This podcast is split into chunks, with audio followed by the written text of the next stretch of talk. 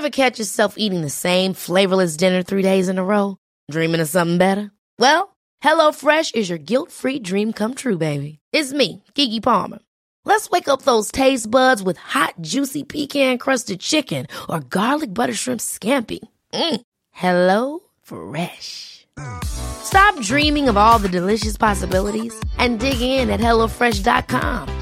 Let's get this dinner party started. Quality sleep is essential. That's why the Sleep Number Smart Bed is designed for your ever evolving sleep needs. Need a bed that's firmer or softer on either side? Helps you sleep at a comfortable temperature? Sleep Number Smart Beds let you individualize your comfort so you sleep better together. JD Power ranks Sleep Number number 1 in customer satisfaction with mattresses purchased in-store. And now, save 50% on the Sleep Number limited edition Smart Bed for a limited time. For JD Power 2023 award information, visit jdpower.com/awards. Only at a Sleep Number store or sleepnumber.com.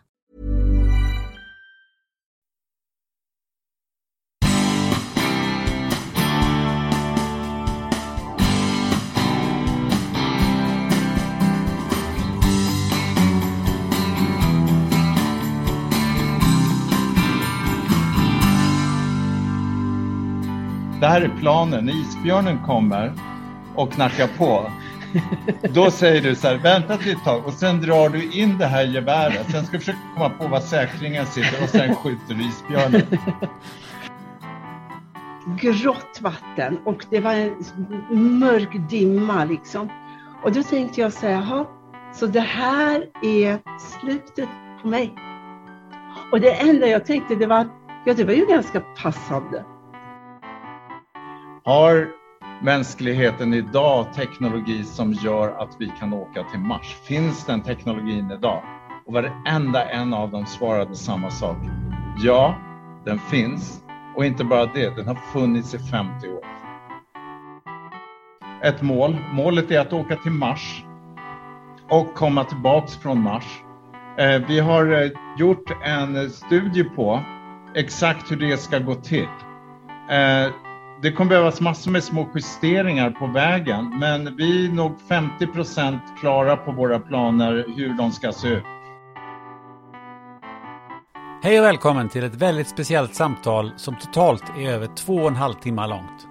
Det kommer att serveras i två olika delar med 14 dagars mellanrum. Men vill du lyssna på hela avsnittet direkt, dessutom utan reklam, då går du bara in på Patreon.com och söker på Spännande möten.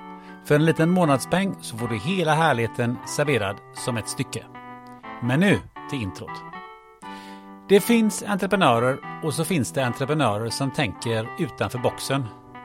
Tina och Tom Sjögren, eller Sjogren som man säger i USA, tillhör den här lilla exklusiva skaran som aldrig hört talas om boxen. Hos dem är varken the sky eller space the limit. För hade det funnits begränsningar i deras hjärnor så hade de aldrig gjort fyra försök innan de kom upp på Mount Everest. De hade inte kommit på idén att skida till Sydpolen och inte heller tagit beslut om att direkt efter detta göra samma sak på Nordpolen. En resa som höll på att kosta dem livet. Och en sak är helt säker. De hade absolut inte kommit på tanken att bo i Silicon Valley i fem år för att lära sig hur man bygger en egen raket för att åka till Mars. Låter det här som en blandning av Stjärnornas krig och Tintins äventyr? Kom ner på jorden och häng med till en raketfabrik i Mojaveöknens utkant. För nu, nu blir det åka av. Men innan vi åker, du kanske reagerar på ljudkvaliteten? Nej, vi är inte ute i rymden och pratar, inte än i alla fall. Det är bara Zoom som inte levererade riktigt på topp över Atlanten. Hoppas du står ut med det.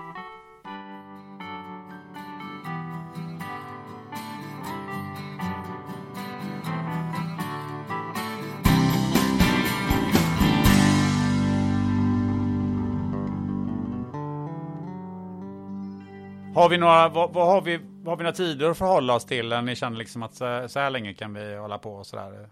Eh, Nästa vecka så ska vi skjuta upp en raket, men innan dess går det bra. Ja. Om det är helt underbart att vi har, att vi har dessa eh, så här, eh, så här mycket tid på oss. För att eh, jag har en känsla av att vi, jag har nog rätt många frågor om jag hinner ställa några. Ehm, men jag tänkte så här. Hur, hur många i Sverige tror ni känner till att ni har varit på Mount Everest, Everest, korsat Sydpolen och Nordpolen och bygger nu en raketfabrik i USA med målet att åka till Mars? Hur många känner till det? Eh, minst 30 pers. Det är våra investerare, min mamma. Och så var vi med i TV Morgonsoffa, jag vet inte vad de hade. Inte så vansinnigt många faktiskt, men det har, jag tror att hela den här rymd, eh, hela rymdgrejen ligger lite efter i Sverige mot vad den ligger i USA. Och eh, speciellt New Space då, det här mm. nya som händer, där så kallat vanliga människor, först de här miljardärerna med Elon Musk och, och Branson från Virgin, men nu vanliga människor som vi kommer upp överallt och börjar ta, eh, ta tag i de här nya metoderna som finns för att tillverka med 3D-printing och allting. Och med det så är det nästan som en väckelserörelse som har körts igång mm. i USA och nu sprider sig över Europa och har kommit till Sverige med stormsteg måste jag säga. Härligt. Eh, Tina och Tom eh, Sjögren, välkommen till podden Spännande möte. Tack så Tack. mycket. vad, eh, kan ni berätta, var befinner ni er just nu? Ja, vi är just nu i Kalifornien. Vid foten av Sierra Nevada, Vita berg har vi runt omkring oss. Eh, här sitter vi i ett jättestort garage som är svart med en stor vagn utanför som har en raket på sig. Och vi är precis i sista stadien att utrusta oss för att köra vårt första lyft av vår första raket. Och det lyftet kommer att vara tre meter högt och kommer att ske i öknen här om ett par veckor.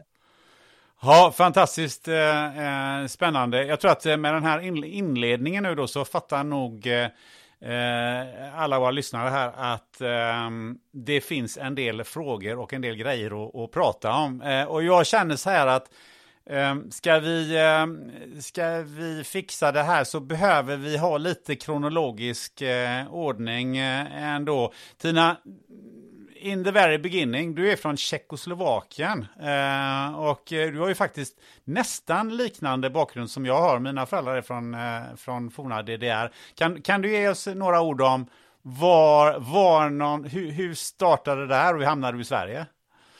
Ja, jag är då politisk flykting eh, med min mamma och min lillebror. Eh, och vad som hände var att eh, när jag växte upp i Tjeckien, numera som var Tjeckoslovakien på den tiden, vi var då under kommunistiskt styre. Och min morfar var en aktivist, han var en i resistance då. Så han satt i fängelse, vilket gjorde livet lite svårt för hans anhöriga. Eh, om du inte var med i kommunistpartiet så var det väldigt mycket förmåner du inte fick eh, eh som andra fick. Och det här gjorde livet svårt så att min mamma bestämde sig för att hon skulle fly den första chansen hon fick med mig och min lillbrorsa då.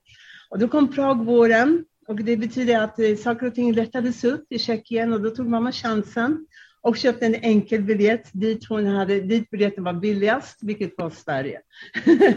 så så hamnade jag i Sverige. ja, vilken, eh, vilken tur. Eh, men, men Tom, du är ju inte direkt därifrån. Du har en annan bakgrund, har jag förstått. Ja, ja, mina, an, mina anfäder då, de eh, kommer från Europa och började gå uppåt för 10 000 år sedan eh, efter eh, den senaste istiden för att leta efter fet lax. Och det hittade vi och så stannade vi där uppe. I Norrland. I Norrland. så det är min bakgrund. Jag tror att, eh, så våra bakgrunder, vi träffades ju när vi var 20 eh, år. Och eh, jag var väldigt, jag gick på Handelshögskolan, jag var, höll på med idrott. Eh, jag hade vunnit junior-SM i segling och höll på med konståkning, tävlade i skidor och allting sånt där. Och Tina var ju en helt annan personlighet. Hon, eh, hon var vild, gick i sin morfars fotspår och ville bara ut och resa. Hade jag tror aldrig hon hade haft det på gymnastikskor på sig. Det var liksom högklackat för hela delen. Sport för mig var att springa till kiosken för att köpa cigaretter innan de stängde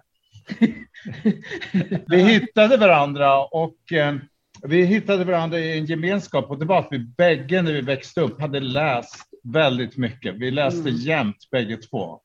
Och eh, mycket samma typ av böcker också.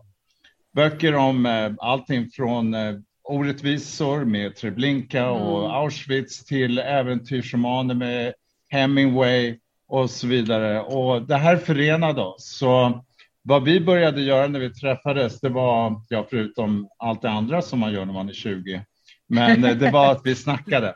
Vi började prata och vi har inte slutat ännu. Men hur träffades ni då? Eh, det var på en studentfest faktiskt. Och eh, vi hade några kompisar. Jag hade en kompis eh, från Dagens Nyheter där jag jobbade på den tiden. Thomas gick på Handel, så han hade en kompis därifrån. Och eh, hon bjöd mig, hon sa jag behöver en kompis här för att det ska komma hit tre killar. Jag är enda tjejen, eh, kom hit och liksom hänger lite. Och då kom jag dit och det här var Thomas och hans eh, två kompisar faktiskt. Um, och det, det, var ganska tråkigt. Det var Melodischlagerfestivalen. så vi började debattera och Thomas och jag började faktiskt gräla med varandra. Jag kommer inte ens ihåg om någonting, men av någon anledning så tyckte vi fruktansvärt illa om varandra. så, så vi grälade i tre timmar eller någonting sånt. Jag var otroligt irriterad på honom och han var det på mig. Men det hörde till saken att jag hade precis flyttat till Stockholm och behövde hjälp att flytta lite pinaler, lite grejer från min mamma till min nya lägenhet.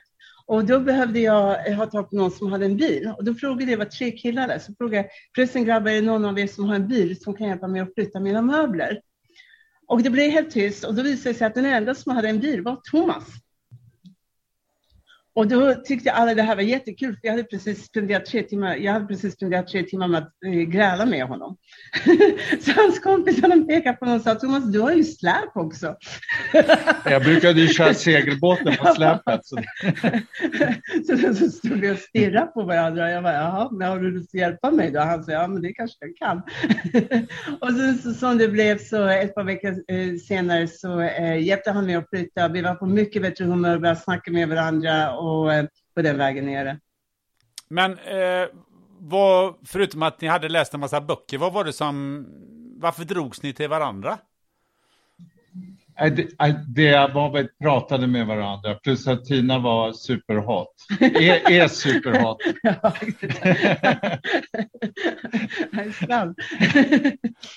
eh, vet du, eh, Gunnar, jag tror att, jag vet inte, du vet man är själsfrände. Ibland så bara har man tur och hittar sin själsfrände. Och så var det för oss. Vi kom från olika bakgrunder. Vi hade helt olika syn på livet, men vi hade grunder som förenade oss.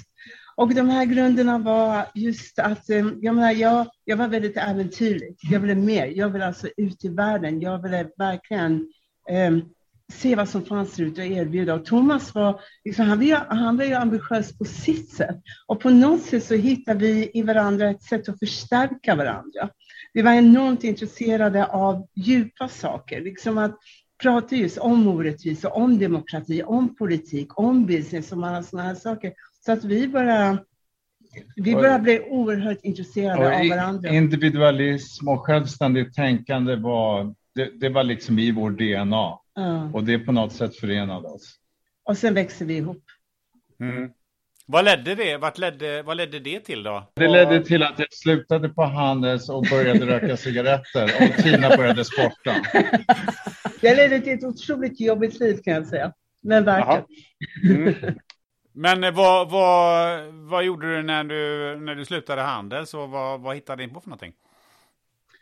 Då drog vi, vi eh, så jag, Tina jobbade på tv och på Sveriges Television och jag gick på Handels och jag hade bara någon tenta kvar faktiskt.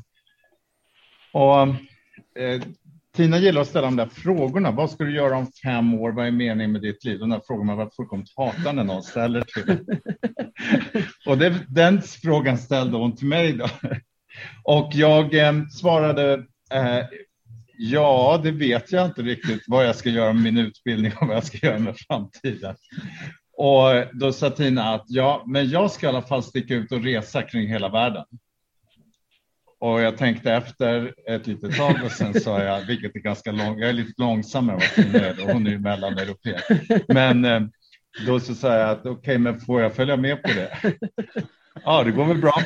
Och sen så, så jag hoppade av plugget och Tina sa upp sig på tv och Sen tog vi vanliga jobb där vi kunde få jobba massor helt enkelt mm. och sparade. Tina jobbade som servitris, jag jobbade på mentalsjukhus som vårdare um, och sparade en massa pengar på under ett år och sen satte vi på oss ryggsäckarna, uh, hoppade på Finlandsfärjan, drog med Transsibiriska järnvägen och tittade aldrig tillbaks. När var detta i, i, i tiden? Hundra år sedan. Men jag tänker, vad, vilket årtal var det? Vet du, det här var alltså... 86. 80, ja, precis. 86? Ja. Ja, men jag, jag, jag tänkte jag kan reflektera kring det direkt. För jag tänkte att eh, jag åkte, gjorde faktiskt samma grej eh, med min eh, hustru ett år tidigare, 1985. Nej, men du vänta ett vi stack 85 faktiskt. Vi stack i maj 85. Ja, vi stack i mars 85. Nej, men det är helt otroligt. Och tog ni Transsibiriska också? Ja, Transsibiriska till eh, precis Peking och sen ner eh, genom eh, Peking, Xi'an, Kunming. Eh, och sen flodbåt eh, från, ja, vi var uppe i da, något som heter Dali. Och så flodbåt till Hongkong. Klippte ni också av antennerna till de här hemska eh, högtalarna de hade på flodbåten? Så kommer vi gjorde det. Dygnet, ja, det finns många stories att berätta om den här flodbåten kan jag säga. När antenner klippte vi sig inte av, men det fanns ju några andra man behövde klippa, klippa av kan jag säga. Och rätt rejält trött på kineserna då, men, eh, men så var det i alla fall. Eh, men vad varit ledd i... Hur länge var ni ute? Ja, vi var ute fyra månader. Eh, ja, när vi var i Singapore så sa vi, ja men vi hade ändå bestämt att åka hem. Men ska vi åka till Australien? Ja, men det kan vi göra sen. Har vi gjort det sen? Nej, det har vi inte. Visst är det helt otroligt? Det händer inte. Ja. Nej, det händer inte. Men vart tog ni vägen sen då?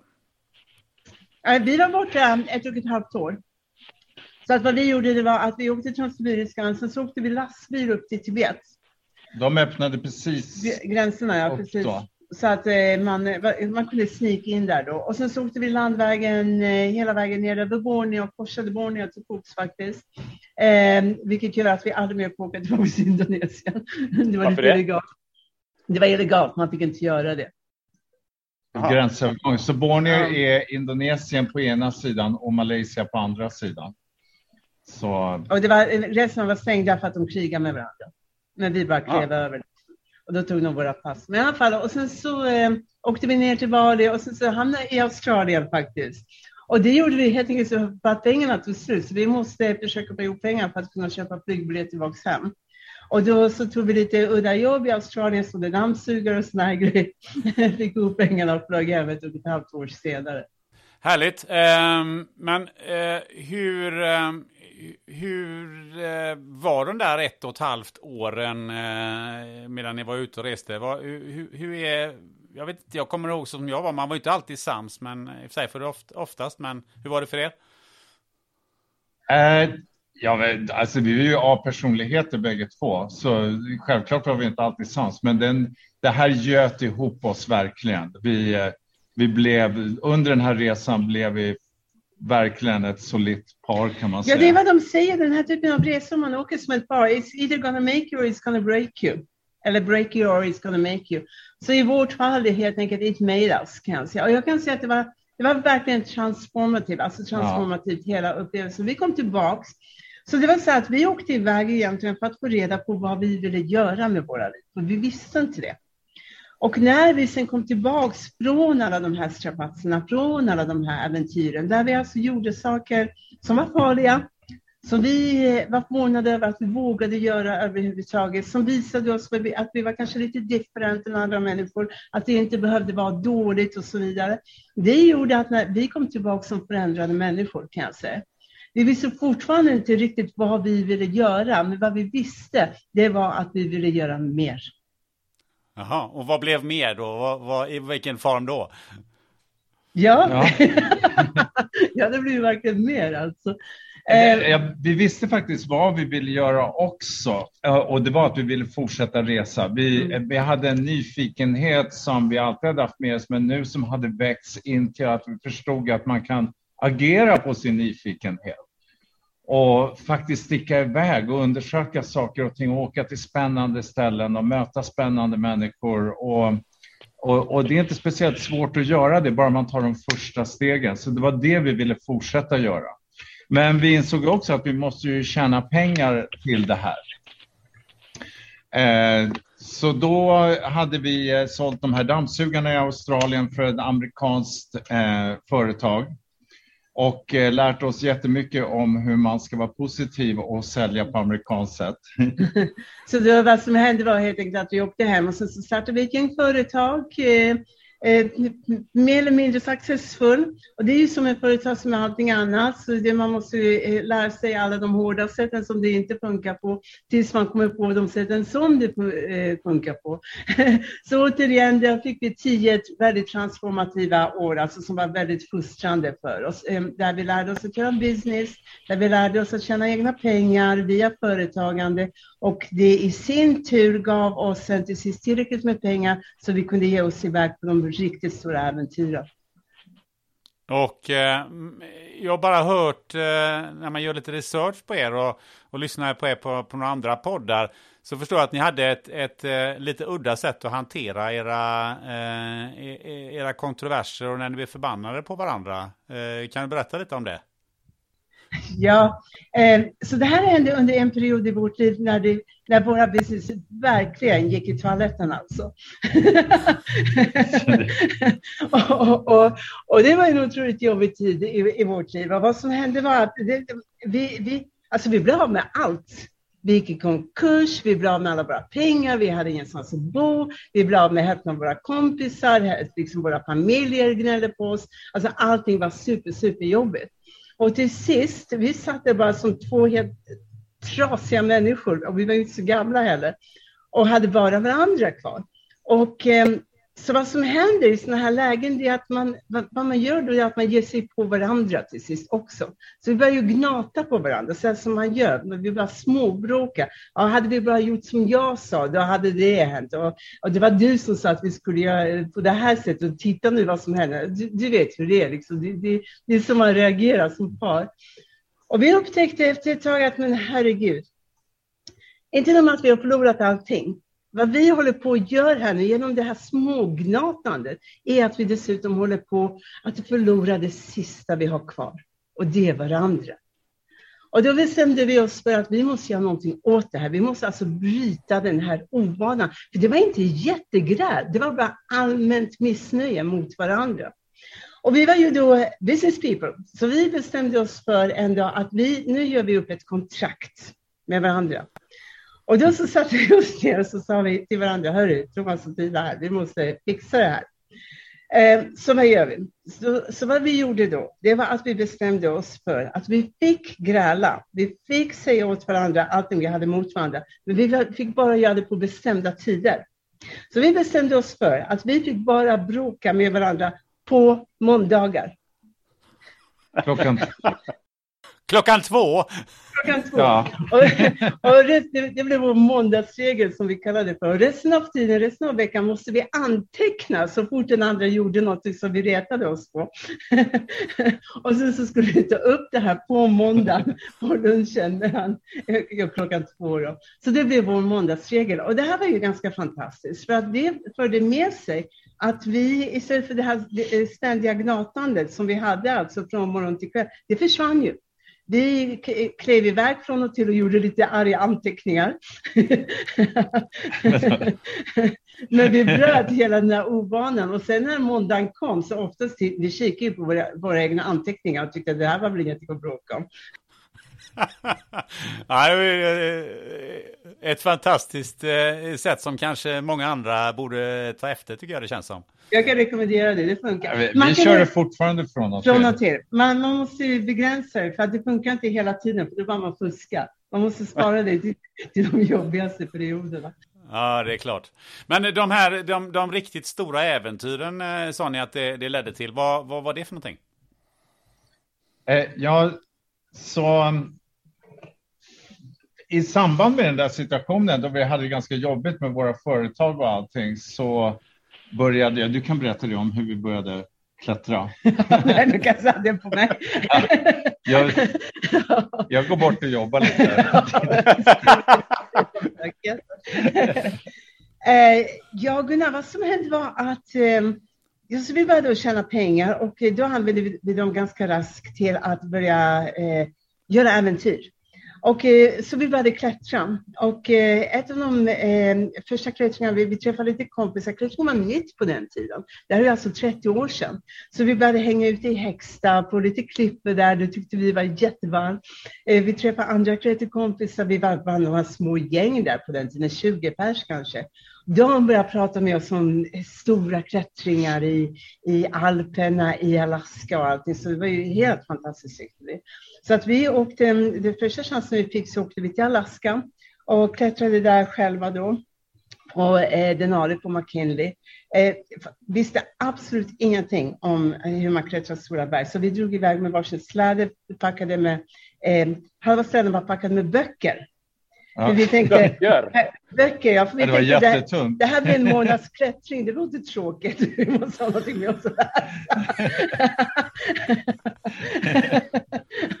Och det där fick vi lära oss hårda vägen, att det inte är som att klättra. Och sen så, eh, sen så kom vi hem där, eh, därifrån tyckte det var jättespännande att eh, ha lärt oss det här. Och en dag så fick vi ett telefonsamtal. Och då var det en engelsman en kille som ringde och Thomas tog det här telefonsamtalet. Jag kommer ihåg när han satt i ett rum på, på firman, jag var utanför. Han tar det här samtalet, han kommer ut till mig och han är alldeles vit i ansiktet. Och jag är bara, what's going on liksom? Han säger, du kommer inte tro det här. Men det ringde mig precis en kille från England. Och han då så pratade de och då sa den här killen, vet ni alltså det som ni lärde i och med att ni gjorde alltså Denali, nu tog inte vi toppen på, eh, eh, på Denali utan vi kom precis till toppryggen. Men han sa att på grund av att ni gjorde det här själva, ni lärde oss otroligt mycket, det kommer räcka för er och, eh, för att ni ska komma med i min expedition så lär jag er resten. Så just like that, innan vi, liksom before we knew it, så var vi på väg till Mount Everest och där började för oss som stora äventyr. Men Mount Everest, hur... Eh, eh, jag har sett en del eh, väldigt spektakulära eh, klipp och bilder eh, därifrån från eh. eh hur, eh, eh, hur var det liksom? Det var ju ganska snabbt marscherat från det att ni började på klipporna någonstans i Stockholm till att bara trampa upp på Mount Everest. Hur var det, hur var det första mötet där? Ja, vi, det var ju, ehm, vi var definitivt inte redo för att klättra till toppen första året vi kom dit. Va? Men det finns ju så man kan ju liksom lära sig. Så vi gick ju stegvis från mindre och mindre till högre och, eller högre, och högre berg. Då. Och, men vi gjorde det väldigt snabbt. Och eh, vår största, mest lärde vi oss genom att vara på Everest. Så första året var vi där 1996. Och det skrevs en bok om det här som heter Into Thin Air som har blivit film och väldigt en bestseller. Och det var det året då det var så många människor som dog uppe på toppen. Och vi var själva rapporterade som försvunna och förmodade döda på Sveriges Radio under tre dagar. Eh, men vi var faktiskt i kamp två under tiden. Ehm, och klarade så och det året kom vi inte speciellt högt upp. Vi kom upp till kamp 3, 7500 meter ungefär. Och det mesta av klättringarna bara bröts av och hela vår expedition åkte hem, så vi åkte hem med den. Då var vi en, eh, i en kommersiell expedition där alla hade betalt till ledaren för att göra det här, men det var en otroligt billig kommersiell expedition, mer eller mindre utan guider eller någonting sånt. Men eh, då upptäckte också Tina och jag att vår individualism eh, slog igenom och vi var inte alls glada i att befinna oss i den här eh, miljön. Så vi sa vi åker tillbaks till Everest, men nu ska vi göra det bara vi två. Så... Och då får det ta lite längre tid istället. Vi ville, tror du, Gunnar, vi ville känna att vi hade klättrat det här berget själva.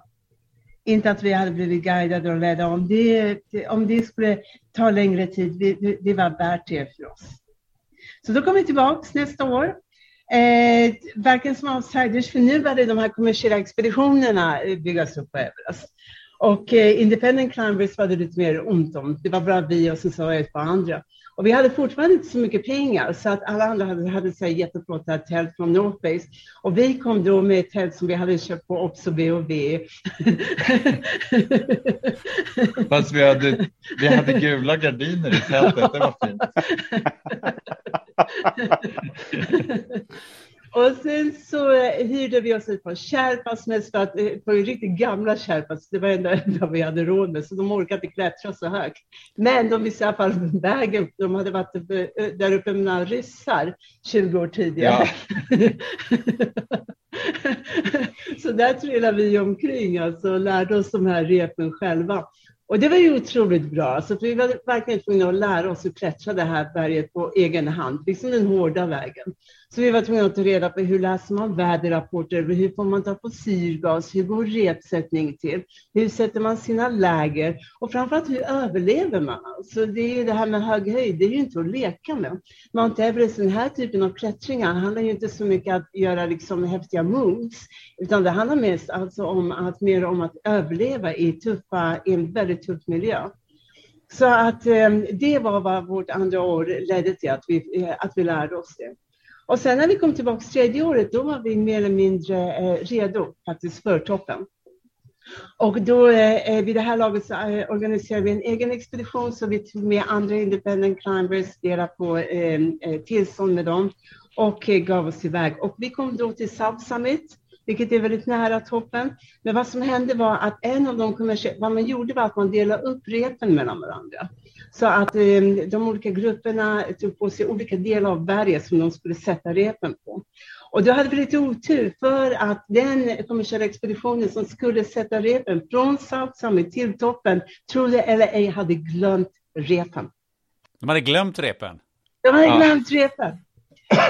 Jag kan tala om för dig, vi stod där ett gäng klättrare. Klockan där. sju på morgonen i perfekt väder. Och det var nästan så att man såg folk kasta ner varandra från sydtoppen, så förbannade var vi. Men, Men då eh, bestämde vi oss för att eh, om vi ska klättra Everest, vi var faktiskt, vi, vi sa så här, nu vill vi inte åka tillbaka någon mer. Uh. Men eh, vi kom tillbaka till Sverige och tänkte, nej vi gör ett försök till. Och då sa jag, men om vi gör det en gång till, då ska, nu, vi ska inte vara beroende av någon. Nej.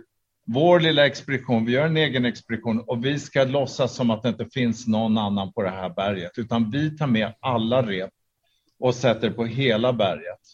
Sätter ihop ett litet gäng kärlpass eh, på fem pers, fem, sex pers se till att vi har med oss tillräckligt med rep, skruvar, liksom allting eh, eh och, och bara låtsas som att, det här, som att vi är ensamma på berget. Nu är vi trötta på liksom alla de här strul och packups från 96 fram till att någon glömmer eh, repa. Så så kom vi tillbaks 1999. And what do you know? Det funkade. Hur var känslan att stå där uppe till slut? Det var helt amazing, helt amazing. Och vet du varför Gunnar? Jag tror på grund av att det var så svårt ja, för oss. bara det. Ja. Det var ju som en, eh, du vet fyra år, det var som en universitetsutbildning för att bli läkare eller vad som helst. Mm. Så, och det var hårt hela vägen och massor med misslyckande eh, innan vi då lyckades. Så det, så det var emotionellt. Det var helt fantastiskt. Alltså, att, faktiskt, det kändes så omöjligt för oss i fyra års tid. Det kändes som att varenda snubbe och hans kusin gjorde toppen utom vi. Förstår du? Det kändes som att liksom, det skulle bara aldrig hända oss. Va? Ja, det helt plötsligt befinnade sig när, och det hade hänt oss. Det var liksom, det, det, jag tror att liksom, vi som människor, vi underskattar värdet av svårigheter. Och den fantastiska känslan det innebär att faktiskt sen se att eh, saker och ting är möjliga som man knappt ens trodde om sig själv. Och i vårt fall var ju det här eh, väldigt viktigt för att det var det som gjorde att, att vi sen var blicka ännu högre. För att vi upptäckte, Helsingborg, vi klarar det här. Vad finns det mer som vi kan klara som vi inte trodde? Men det, det fick oss också, Tinas mamma brukade alltid säga att om det finns två vägar att gå, ta alltid den svåra. Mm. Och det här är ju inte helt självklart att man förstår varför man ska göra det. Men de här fyra åren på Everest, där vi för varje år blev bättre och duktigare och mer ödmjuka, för vi fick så mycket stryk. lärde oss verkligen att det här är en väldigt viktig väg att gå om man vill bli riktigt bra på någonting. Och hade vi inte haft de här misslyckandena på Everest hade vi inte suttit idag och byggt en raket, det är jag övertygad om. Mm.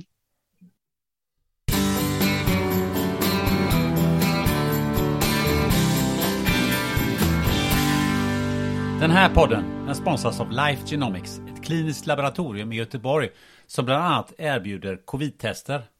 Har du precis bokat en resa på kort varsel och behöver PCR eller antigentest för covid-19? Ja, då kan du gå in på coronapassport.se för att hitta en vårdgivare i din närhet och boka en tid för test och friskhetsintyg. Life Genomics har samarbete med ett 150-tal kliniker över hela Sverige. Och om du reser från Arlanda eller Landvetter så kan du nu även testa dig direkt ute på flygplatsen vid Life Genomics Lab i samarbete med vårdgivaren Express Care. Där kan du få ett antigentest med reseintyg inom 30 minuter och ett PCR-test och reseintyg inom 2-4 timmar. Så, gå nu in på expresscare.se och boka din tid direkt. Tack, Life Genomics!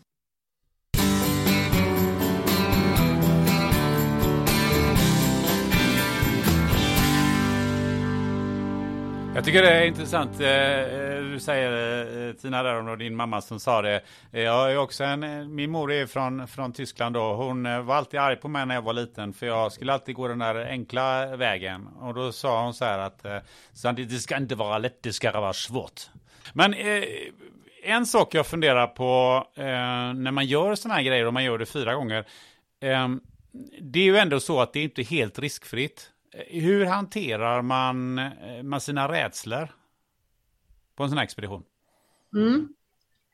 Det är en bra fråga. För det första, om du gör något som är riktigt farligt, det, det brukar vi se åt, eh, eh, då, då, måste man fråga sig själv, är det här värt att dö för? Och det, det var viktigt för oss faktiskt.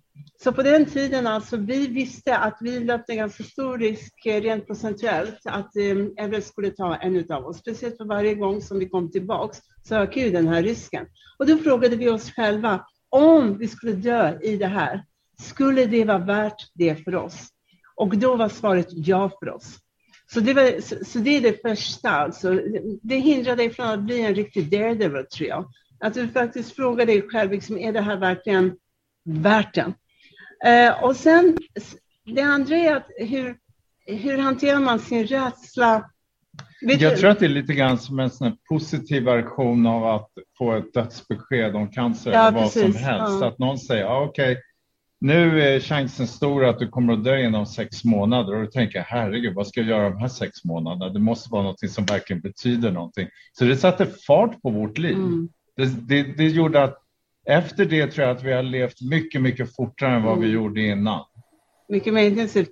Och vi frågar oss själva, vad är det jag har ogjort eh, som jag behöver göra? Och då hade vi alltid drömt om att segla över Atlanten.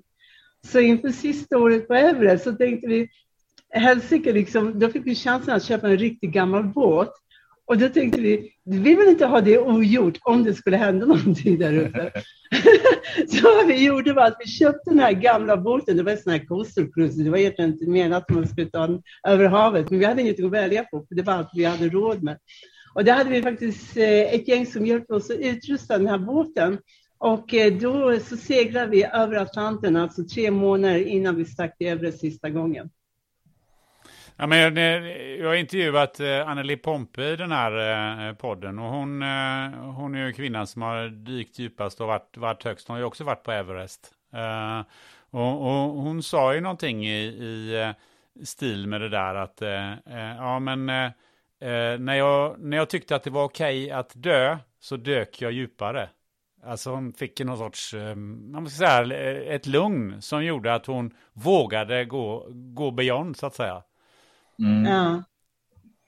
Vi, vi eh. pratar om något som kallas för expedition mod. Och det är helt enkelt att man kommer in i en expedition eh, och vi räknar med att det händer efter en till två veckor man varit där ute. Och då helt, det är den tiden det tar att göra sig av med alla tankar på elräkningar, busstidtabeller och allting sånt. Och eh, du lämnar helt ditt liv hemma bakom dig och nu har du bara ett fokus framför dig. Och det är att genomföra den här expeditionen, om det är att åka till Nordpolen eller vad det nu kan vara för någonting. Det, det är som någon sån här utdragen variant kan jag säga av det här med eh, runners high. Eller något sånt. Du är superfokuserad helt enkelt. Men, men sen tycker jag också att det här med rädsla, så här, jag tänker inte vara slav under rädsla. Jag blir irriterad på rädsla, mm. om jag ska vara helt ärlig.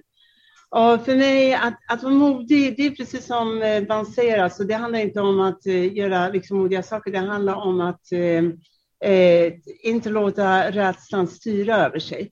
Att vara modig är att göra saker man är rädd för. Mm. Och det är alltså en vana och det har för oss nästan blivit en second nature. Men hur klarar man gränsen mellan då att eh, göra saker och att bli dumdristig? Eh, och göra saker och gå över gränsen? Genom att eh, planera och förbereda sig. Så till exempel eh, innan vi skulle segla över Atlanten så vet jag att Tina läste alla böcker som fanns om olyckor som hade hänt för folk som seglade över Atlanten. Nu när vi håller på med raketer så har vi gått igenom varenda olycka mm. som har hänt under de senaste 50 åren på alla raketer som någonsin har skickats upp. Det, och det här gör att man är preparerad för misstag. Man, kan, man vet vad man inte behöver vara rädd för och man vet vad man behöver vara rädd för. För det, man, man måste ju ta beslut där och då. Det är ju en sak att planera det innan, men när du, när du, jag kan tänka mig om du är på 7-8 tusen meters höjd eh, Eh, och du ska ta ett beslut. Man är, vad jag har hört och förstått när man pratat med andra så är man inte jättesmart på den höjden. Nej, och det är där erfarenheter kommer in i bilden alltså. Det är därför det är så viktigt att många duktiga klättrare säger att man måste vara erfaren på det sättet. Eh, för att eh, vad som händer är att när det händer det oväntade saker Eh, så eh, har du någonting att jämföra med. Och du vet vad du kan eh, förvänta dig vad som är, när det faktiskt är dags att vända tillbaks eller när du har mer i det så att du kan fortsätta lite men, Men vi preparerade för det också. Det handlar om att få in det i ryggmärgen och, och inte behöva ta de där logiska genomtänkta besluten utan göra saker som man verkligen har tränat in. Mm. Och så vad vi gjorde då, det var innan så hade vi förmånen att få träna med två av Sveriges absolut bästa thaiboxare. Thaiboxning. Och eh, Tina och jag var inte världens bästa thaiboxare kan jag säga. Och de hjälpte oss, eh, de tränade oss eh, special då bara för Everest. Eh, och vad de gjorde, det var att de körde fullkomligt slut på oss. Och när vi var supertrötta, då eh, började de slå oss. Och de slog oss precis så lagom mycket så att det gjorde ont men utan att skada oss. Och det gjorde att vi tvingades att hålla upp garden och göra de här rutinsakerna som man måste göra eh, eh, eh, innan eh, eller för att försvara sig även när man är så trött som man håller på att dö. Och jag tror att den här typen av träning hjälpte oss ganska mycket också att hålla oss kalla och ta rätt beslut när vi var högt uppe. Men, men svaret är faktiskt precis som Thomas säger, förberedelse. Alltså att vara riktigt väl förberedd det tar bort dum från dumdristig. Mm, smart sagt. Ja, intressant. Jag kom på det precis nu. Ja, det... wow, funkar bra. Eh, eh, Okej, okay, men nu hade ni då bestigit eh, världens högsta berg. Eh, fanns det liksom, det fanns ju inga berg kvar om man nu skulle eh, prata om bergsbestigning. Men det finns andra berg som kanske är farligare eller svårare att bestiga. Men, men, men vad, hur, gick, hur gick tankarna då? Ja, tanken då gick så här att nu har vi klarat världens högsta berg och vi gjorde det på ett bra sätt dessutom. Vi byggde vår egen expedition och allt. Men det fanns en liten negativ grej också och det var att vi kände lite grann som att vi drev en business när vi var uppe på Everest. Det var så mycket folk involverade hela tiden. Och det var Sherpas och det var andra klättrare och, och allt det här. Så nu sa vi, nu vill vi göra någonting. Nästa gång vi gör någonting ska det bara vara vi två. Och det var okay. ju så att det, här, och det är ju spännande vid Basecamp. Man sitter ju där på nätterna, i alla fall på den tiden var det ju på det sättet. Vi var ju alltså med independent climbers och en del av dem var ju de främsta explorers som levde på den här planeten. Och då, då viskades det ju om andra terra incognita. Och bland annat vad som viskades om då var Antarktis, polarområdena. Och det var ju för oss någonting, en helt annan planet. Så det var ju enormt fascinerande. Men igen, alltså, var det verkligen någonting för oss? För det var ju en helt annan femma än bergen. Alltså. Så att nu efter Everest alltså, så börjar vi ju leta efter andra eh, eh, utmaningar. Och det var ju bergen självklara. Så det första vi fick i huvudet var ju naturligtvis K2. För att, eh, för att K2 kallas ju för klättrarnas alltså berg. Där på Everest så blir du en klättrare för världen, på K2 blir du en klättrare till klättrare. Så det är ju självklart att det var ju nästa eh, eh, eh dröm. Men samtidigt, vi kände liksom, vi är ju explorers egentligen mer än klättrare. Så vi tyckte, finns det, det här med polerna, det kunde inte släppa oss. Och sen så en dag så flög vi mellan New York och Stockholm. Vi var på ett plan, alla låg och sov utom jag. Jag satt och tittade ut genom fönstret. Jag hade tagit mig en grogg, ska jag erkänna. En? och sen så helt plötsligt så var vi, så sa piloten att vi var över Grönland. Och då öppnade jag luckan och solen gick precis upp över Grönland. Alltså. Och det var helt otroligt att se det här landskapet nedanför mig. Och sen så på, hände det någonting konstigt. Vi hade precis innan dessutom haft norrsken kring planen. Det var, det var mycket liksom, märkliga saker som hände där. Och jag satt och tittade på det här och jag tänkte, oh my god, oh my god, jag måste få uppleva det här alltså. Och Thomas satt och sov bredvid mig. Så jag bara, jag bara liksom väckte honom och sa, Thomas vakna, vakna, jag måste säga en grej. Och han bara, du har druckit. Jag bara, ja, lyssna nu. lyssna nu. Jag vill att vi åker till Sydpolen. Och han bara, jaha, okej, okay, Och vet du vad? Och sen vill jag att vi åker direkt efter det till Nordpolen. Och jag bara, okej. Okay. Och han bara, kan vi inte bara ta en Tina, pol först? Varför, varför båda två, sa han, efter varandra. Och jag sa, men Thomas, varför inte? Livet är kort. Och han bara... och, det var, och det var det som hände. Och, och anledningen, det var faktiskt inte bara helt eh, knäppt. Eh, det var ju så att vi hade lärt oss på bergen att vad som händer när du har klättrat ett tag, det är att det, du blir inte nödvändigtvis svagare. Du blir tunnare, du förlorar en massa vikt och så vidare. Men du, du kan också faktiskt bli starkare rent fysiskt sett. Och det har ju visat sig sen efteråt att det är klättrare idag som tar berg efter berg, höga berg efter varandra. Det ansågs förr i tiden omöjligt alltså. Så vad vi ville testa, vad vi ville se, det var helt enkelt skulle kunna vara så att efter, om vi klarade av att skida till Sydpolen, kunde det vara så att vi i det läget skulle vara så starka, inte svaga faktiskt, vilket man trodde på den tiden, utan faktiskt skulle vara så starka så att det till och med skulle hjälpa oss att ta Nordpolen, vilket anses vara en, och vilket faktiskt är en svårare expedition än Sydpolen.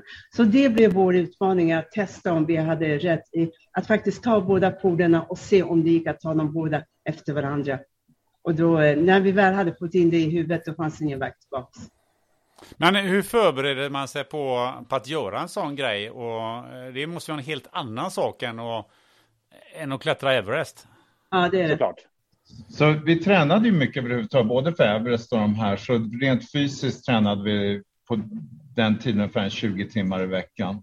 Men de viktigaste förberedelserna måste jag säga för alla expeditioner är att försöka leta upp folk som har gjort liknande expeditioner eller samma expeditioner tidigare.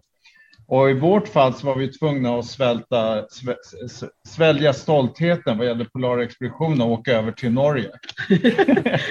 För där har vi världens bästa polarfarare. Och vad vi gjorde var helt enkelt att vi åkte runt, mutade dem med drinkar, i vissa fall med cigaretter och eh, hade möten i barer och pumpade dem på information. Eh, och sen så tog vi den här informationen vi gjorde i princip exakt som de sa åt oss. Mm. Vi tänkte väldigt lite själva. Det var ett par saker som vi sa, nej men det där vill vi nog försöka någonting annat. Det var väldigt få saker och vi var tvungna att vara väldigt motiverade för att inte följa de råd som vi fick av de här norrmännen. Så de låg helt bakom vår framgång faktiskt. Mm. Men vad, vad var de viktigaste råden som de gav er? Ja, det där är faktiskt ja. en intressant eh, fråga. Alltså. Så varje eh, av de här pratfararna som vi frågade, vi avslutat med en fråga. Om du fick råda oss en enda, det viktigaste rådet du har att ge oss, vad skulle det vara? Och det var intressant, för att det, det, de råden kom helt och hållet färgade av deras personligheter. Så vi hade Börje Avsland till exempel, som är en väldigt duktig kille, alltså tekniskt duktig, stark och, och, och sådär. Och han, han, hans svar var Be prepared. Be very well prepared. Så det är det vi pratade om förut, att ta bort dum från dumdristig. Och sen så en annan, en engelsman faktiskt, han var lite mer easy going. Hans råd var att ta med massor med choklad.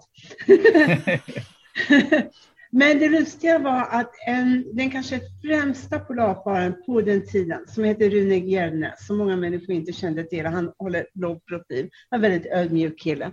Han eh, hade korsat hela eh, Arktis. Utan support. Utan support. Det var helt amazing det han gjorde med sin kompis. Och då skulle man kunna tänka sig att hans råd borde vara liksom, ja, ha mer rätt skidor eller någonting Bygg mycket sånt. muskler. Ja. Eh, men nej, vi satt där med ett paket Marlboro mellan varandra, han och jag. och han sa, vet du vad, jag, jag skulle ha haft ett enda råd till er. Och det är, säg bara, say only positive things to each other. Mm. Och det rådet, det påminner lite grann om vår måndagsregel som vi hade där. Och det rådet var faktiskt, visade sig, alla råden var väldigt viktiga för oss, men det var absolut avgörande för vår eh, slutgiltiga fram, eh, success. Så vad vi gjorde är, vi gjorde ett par saker då. Vi visste att när vi sticker ut på den där expeditionen, då kommer vi att glömma bort allt det här. Så vi skrev upp alla Mm. de här råden i tälttaket. Så varje Mm. kväll när vi somnade och varje morgon när vi vaknade så låg vi och stirrade på dem där. Så vi hade dem verkligen ingjutna i oss själva. Och sen gjorde vi en pakt igen. Och det var framför allt för Nordpolen. För att Nordpolen visste vi, ingen tjej hade någonsin åkt utan airdrops till Nordpolen. Och Det är tungt, det är fysiskt väldigt tungt. det var bara 20 personer som hade gjort det. Alla var här stora, ja, stora norrmän eller, eller eh, ryssar. Ehm, så våra chanser att lyckas var i princip noll. Och speciellt efter, vi var ju ganska slut, ganska magra efter Sydpolen. Det här var ju bara En månad en efter. månad efter Thomas hade frostbite eh, från Sydpolen. Så vi visste att våra chanser var väldigt Och slim. då, då visste vi att vi måste vara ex mentalt extrema för att klara av det här. Så vad vi gjorde då, det var att vi gjorde en pakt innan vi stack iväg till Nordpolen där vi sa att vi får inte säga ett enda negativt ord till varandra under hela den här expeditionen som tog två månader. Inte ett enda. Vi får, om det är vi får inte ens, vi, vindblåsigt ute får vi inte säga att det är blåsigt och trist. Vi får inte säga att vi är trötta. Vi får aldrig tvivla på att vi ska komma fram. Och så vidare. Och vi hade en säkerhetsspärr också för att man blir ju deppig ibland. Och då så sa vi så här, om vi känner oss väldigt, väldigt hängiga, då ska vi göra en grej som vi lärde oss också från en gammal expedition på Antarktis, på faktiskt. Antarktis En historisk, 1900-talets början. Shackleton. Man bara sjunga. Aha. Så det gjorde vi. När vi var riktigt sura, när vi var riktigt... När vi, alltså, du måste förstå Gunnar. Alltså hela Nordpolen var absolut mardröm Det är en från början hemsk till slut. expedition. Alltså det var någon så hemskt. Så varje dag man gick ut ur tältet, det första man tänkte det här är skit, det här är piss, jag vill inte vara här. Thomas är dum i huvudet, det här kommer aldrig att gå. och det här var det dummaste jag gjort i hela mitt liv alltså. Men man fick ju inte säga någonting utav det här, så det var inte det att man inte kände det, man fick bara inte ge uttryck för det. Så när det var absolut som värst, vi kunde se det i ögonen på varandra, då började vi sjunga. Och då började vi sjunga det enda vi kunde komma på i vår desperation, det var en sån här Maug, låt från Ett- Mowgli. Så då började vi sjunga. Så, allt som livet ger. Ja, det är ju helt fantastiskt. Men, men förutom den här, eh, den här pakten som ni gjorde och alla råden som ni fick i övrigt. Men det jag funderar på är lite, men vad behöver man liksom för mindset för att för att fixa två månader på, eh, på Nordpolen? Skulle ni vilja beskriva det som? Det, så det löser sig självt efter den här första veckan, två veckorna. Första veckan vi var skitskraja hela tiden. Och, men sen efter en vecka, och det är ju isbjörnar och grejer, och, och sen hade vi fått ta på något gammalt gevär i, liksom, I i Kanada. Kanada. Mm. Men jag menar, vi hade ju aldrig skjutit eh, ens, ens liksom en hare hela vårt liv. och, och, nu, och isbjörnarna attackerar ju. Så, och där låg vi i vårt tält och, på nätterna. Och, och, och geväret får inte vara inne i tältet, för om det är inne i tältet kommer det rosta ihop. Så geväret måste ligga utanför, så det sätter du på ett litet snöre. Så tanken är att när, det här är planen, när isbjörnen kommer och knackar på, då säger du så här, vänta ett tag och sen drar du in det här geväret. Sen ska du försöka komma på var säkringen sitter och sen skjuter du isbjörnen. Och så så vi, vi hade med oss det här geväret. Efter tre dagar då så bestämde vi oss att vi ska nog testa det här geväret. Och jag är inne i tältet och packar ihop det sista. Thomas går ut med geväret ska testa geväret. Och jag är inne och, det, och så hör jag klick. Och jag tänkte jaha. Och sen hör jag igen klick. Och då hör jag Thomas säga det funkar inte. Och då säger jag försök igen. och då hör jag bang! Då visade det sig att det här geväret det var så rostigt så att det sköt bara ibland. så vi hade liksom en rysk roulette situation här med björnen. Och här var det lite grann då, var glad för allt som... Men, men träffade ni på någon björn som knackade på? Vi såg, vi såg rävs, ly-. Lyckan står den järve vid, brukar de säga. Och vi hade en otrolig tur. Vi träffade faktiskt aldrig på en björn. Vi såg rävspår och då blev Ja. vi oroliga för att räven följer björnen. Men, eh, och sen var det sälar och sånt, men inga björnar. Men om jag hänger kvar med det här med mindset, jag tyckte det var intressant. Om man, om man säger så här, vad, många säger liksom, ja, men du ska känna att du har ett mål och att du ska, du ska känna att du ska vinna eller att du ska besegra någonting. Eller ska man, man ska besegra poolen eller, eller berget eller något sånt där. Är, är det liksom, är det liksom det man har i huvudet eller vad är liksom, vad, vad, vad har man för bild framför sig? Ja, nej, nej, du, du besegrar inga berg eller poler. De, bes- de, de står kvar där liksom. Att du har varit där. Alltså, du är därför att besegra dig själv. Bara det. Och du vet, du har väl hört det gamla Mallory? Eh, när han skulle klättra Everest, han dog ju på Everest sen och det, han var i konkurrens då med eh, Hillary och gänget och Hillary sa, när han klarade toppen, sa we knocked the bastard off. Eh, och sen, så det är den ena vägen och den andra vägen är som Mallory sa, Han, sa, han, come ja, han kom dit och han kikade upp på berget, det här massiva berget och så sa han so what have we come to conquer? Only ourselves. Ja. Vi är Mallory-folk helt Mallory-gänget, enkelt. ja. Mm. Eh, det är för, för en annan som sitter där och det är två minusgrader ute och det är lite snö sådär så, eh, så tycker man att det borde oh, kallt att gå ut idag. Eh, men eh, hur hanterar man, man kylan på, ja men det är ju både Nord och Sydpolen? Ja, det är genom att lyssna väldigt noggrant på norrmännen och göra exakt som de har sagt. Så det är massa, det, det här händer inte bara av sig självt, utan det är utrustning och rätt val då. Vad man måste ha klart för sig är att det är stor skillnad på en, det är lika stor skillnad på en expedition till Sydpolen i förhållande till Nordpolen som det är till att klättra Everest. Så Sydpolen är extremt torrt klimat, väldigt blåsigt. Nordpolen är extrem fuktighet på grund av att det är, man åker ovanpå vatten hela tiden. Det inkluderar till och med öppet vatten där man måste hoppa i och simma för att kunna ta sig fram. Måste någon sorts eh, torrdräkt då, eller hur fasen tar du dig i sånt vatten? Helly Hansen tillverkade en väldigt tunn torrdräkt åt oss som vi kunde ha ovanpå alla våra kläder. Och sen hoppade vi i vattnet, simmade över slädarna. Vi hade två slädar var, de flöt. Så vi boxerade dem samtidigt som vi simmade, hoppade upp på andra sidan, tog av oss torrdräkten och drog upp slädarna. Ibland så kunde vi ligga ovanpå släden och pall, eh, eh, bara paddla. Paddla, ja. Ungefär som på en surfbräda. Men Nordpolen har minus, eh, vår termometer som vi hade med oss gick i botten på minus 55 grader, så vi vet inte riktigt hur kallt det var. Och första månaden hade vi inte en enda dag som var varmare än minus 45. Så vad, vad, som händer är att du kan inte ta med dig en penal in i tältet. För att när du eh, börjar laga mat och sånt, då kommer allting som är tyg och sånt, det kommer samla på sig vätska som kommer att frysa eh, ånga, allt det här. Så att din utrustning kommer snart att väga 20-30 kilo mer än vad den gjorde från början och det orkar du inte.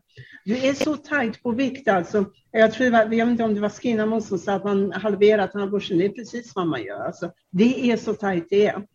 Ehm, så vad man måste göra i det här fallet är helt enkelt att man när du kommer fram, när du ska slå upp tältet, vi hade en väldigt exakt eh, teknik för det här.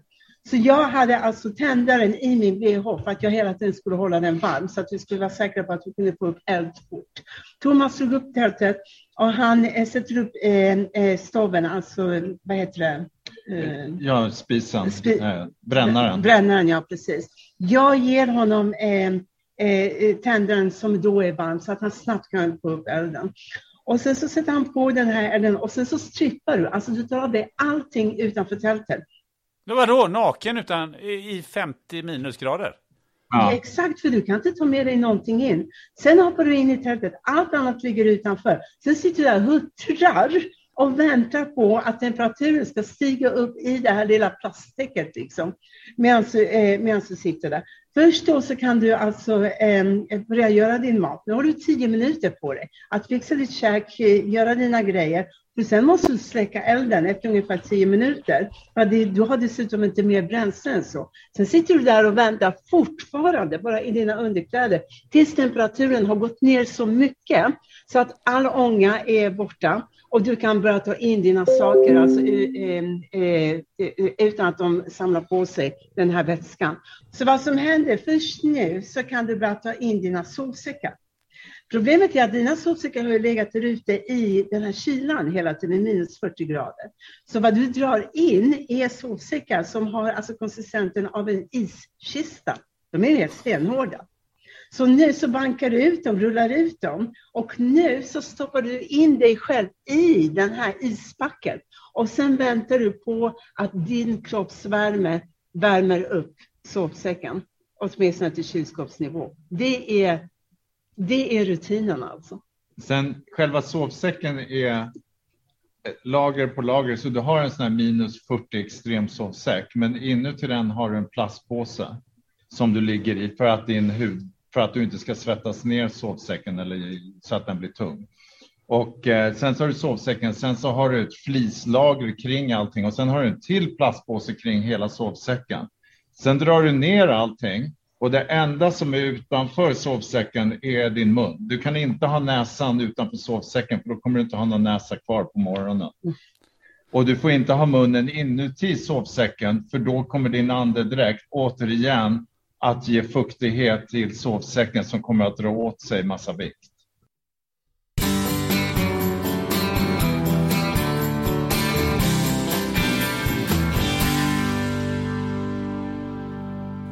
Väntar du eller någon i din närhet barn? Ja, då kanske ni har funderat på om det finns en sannolikhet att barnet har en kromosomavvikelse. Poddens sponsor Life Genomics erbjuder Harmony NIPT, ett genetiskt fostertest med väldigt hög precision för att upptäcka de vanligaste kromosomavvikelserna. NIPT görs på ett enkelt blodprov från mamman som utförs på labbet i Göteborg.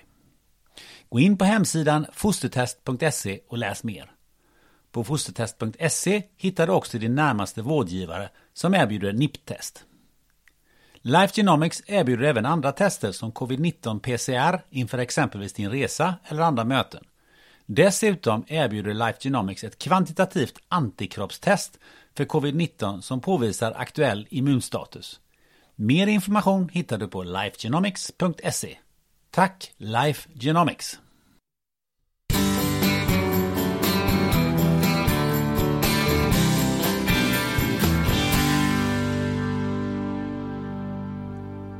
Då infinner sig frågan, om man blir pissenödig då? Ja, då har man en liten eh, Flaska. pisseflaska. man vill helt gärna gå ut va? Nej, nej, det vill du, du du, inte. du gör det i Du, du, eh, du har vad som heter en pinkflaska helt enkelt. Och det, Det har är man på det har man också. på Everest också. Och du, du märker med ett stort svart eh, kors så att du inte tar den för din juiceflaska. Men en, en sak jag eh, funderar på. Eh, men var ni på er när, ni, när, man, eh, när man rör på sig? För man måste bli rätt svett. Det är jättespännande va? för att eh, Gore-Tex och allting sånt där, det flyger ut genom fönster, genom dörren. Och in kommer gammal ull. Mm. För att ull är det enda material som klarar av att hålla värmen när det är blött. Ehm, så att eh, det är norska skorna som vi använder när vi skidar har någonting som heter en katanga i sig. Det är en väldigt tjock yllestrumpa som användes på Amundsens tid för över hundra år sedan. Och, och inuti den så eh, har vi flera lager av tunn strumpa och återigen plastpåse för att skydda oss. Och sen så närmast kroppen har vi också ylle hela tiden. Och så pudrade fötterna också för att du inte ska få skavsår Ja. och sånt. Det är väldigt mycket sådana detaljer. Det är verkligen Mycket små knep. knep. knep ja. Det är många expeditioner som, som faktiskt har, många försök som har blivit eh, eh wrecked på grund av sådana här små detaljer. Alltså. Hur man måste ha päls kring sig. Eh, för att det finns inget annat material som klarar av att ta upp så. Och det lär man sig av eskimåerna. Ni slapp ju isbjörnarna där, men, men eh, hur, hur var det med andra saker? Klarar ni er från eh, olyckor och, och eh, sånt på de här två... Vad, hur länge var det? Ni var på, på två månader på... Två månader. ja. 67 dagar i Nordpolen. Ja, alltså vi, ja, vi klarar oss fast med nöd och näppe om jag ska vara helt ärlig. så det första här stora utmaningen var ju Thomas frostskada på hans tå. Eh, det ansågs på den tiden att om du har en frostskada, du åker hem och du, du får det fixat hemma. Men i vårt fall så vi lyckades faktiskt, mycket tack vare vår erfarenhet skulle jag säga vid det här laget, så lyckades vi faktiskt att eh, heal hans skada. Så han, han eh, faktiskt eh, eh, blev av med den här frostskadan. Men vad som hände sen, kanske det värsta som hände oss på hela den här expeditionen, och det är faktiskt det värsta som har hänt oss hittills på alla våra expeditioner, det var, jag tror att vi var tio dagar ifrån polen. Och eh, vi skidade fram där, vi var ju helt slut alltså. Det, var- det var varje dag var verkligen en battle alltså. Väldigt osäkert om vi skulle klara det. Vi hade väldigt ont om proviant och eh, mycket uppbruten is framför oss och det, vi hade verkligen alla oddsen mot oss. Så vi var ju lite halvtrans när vi bara skidade på det sista vi hade. Och helt plötsligt så hörde jag ett skrik, jag var lite före Thomas, så hörde jag liksom ett skrik bakom mig. Och då tittade jag bak och där ser jag Thomas ligga på isen faktiskt med släden över sig. Och eh, jag eh, skidade eh, tillbaka till honom snabbt och eh, då är han medvetslös. Och eh, har släden över sig. Och jag, vet faktiskt, jag visste inte vad som hade hänt. Men jag visste det som, när du befinner dig i den här typen av kyla, vad som händer det är att det som håller dig varmt är alltså din egen rörelse, din egen kroppsvärme. Det betyder att om du stannar så, alltså är det, så, så kan du frysa ihjäl väldigt, väldigt fort. Det kan alltså gå på en kvart. Så jag visste att vad jag måste göra här är att jag måste få in Thomas i en sovsäck och in i tältet fort som attan alltså. Så jag slänger ifrån mig all min utrustning, jag får upp ett tält, jag får ut eh, hans sovsäck ur hans eh, eh, släde. Lyckas släppa in honom och få in honom i den här sovsäcken eh, för att eh, eh, behålla hans eh, värme uppe. Då. Jag vet fortfarande inte vad som har hänt. Jag är lite chockad över att han är medvetslös. Och, men jag vet också att vi är oerhört beroende. Det finns inte en pinal som vi inte är beroende för, eh, för vår livhank. Alltså, så jag måste samla ihop alla grejerna nu, se till så att saker och ting inte eller blåser iväg, flyter iväg, whatever. Och för att eh, kunna göra det här snabbt så har jag dessutom tagit av mig skidorna för att få eh, upp tältet och allt det här. Så när jag nu springer runt där och eh, letar efter våra grejer så tänker inte jag på att jag har inte skidorna på mig. Så jag har ingenting alltså som, eh, vad heter det, level? Ja, som eh, fördelar vikten över isen.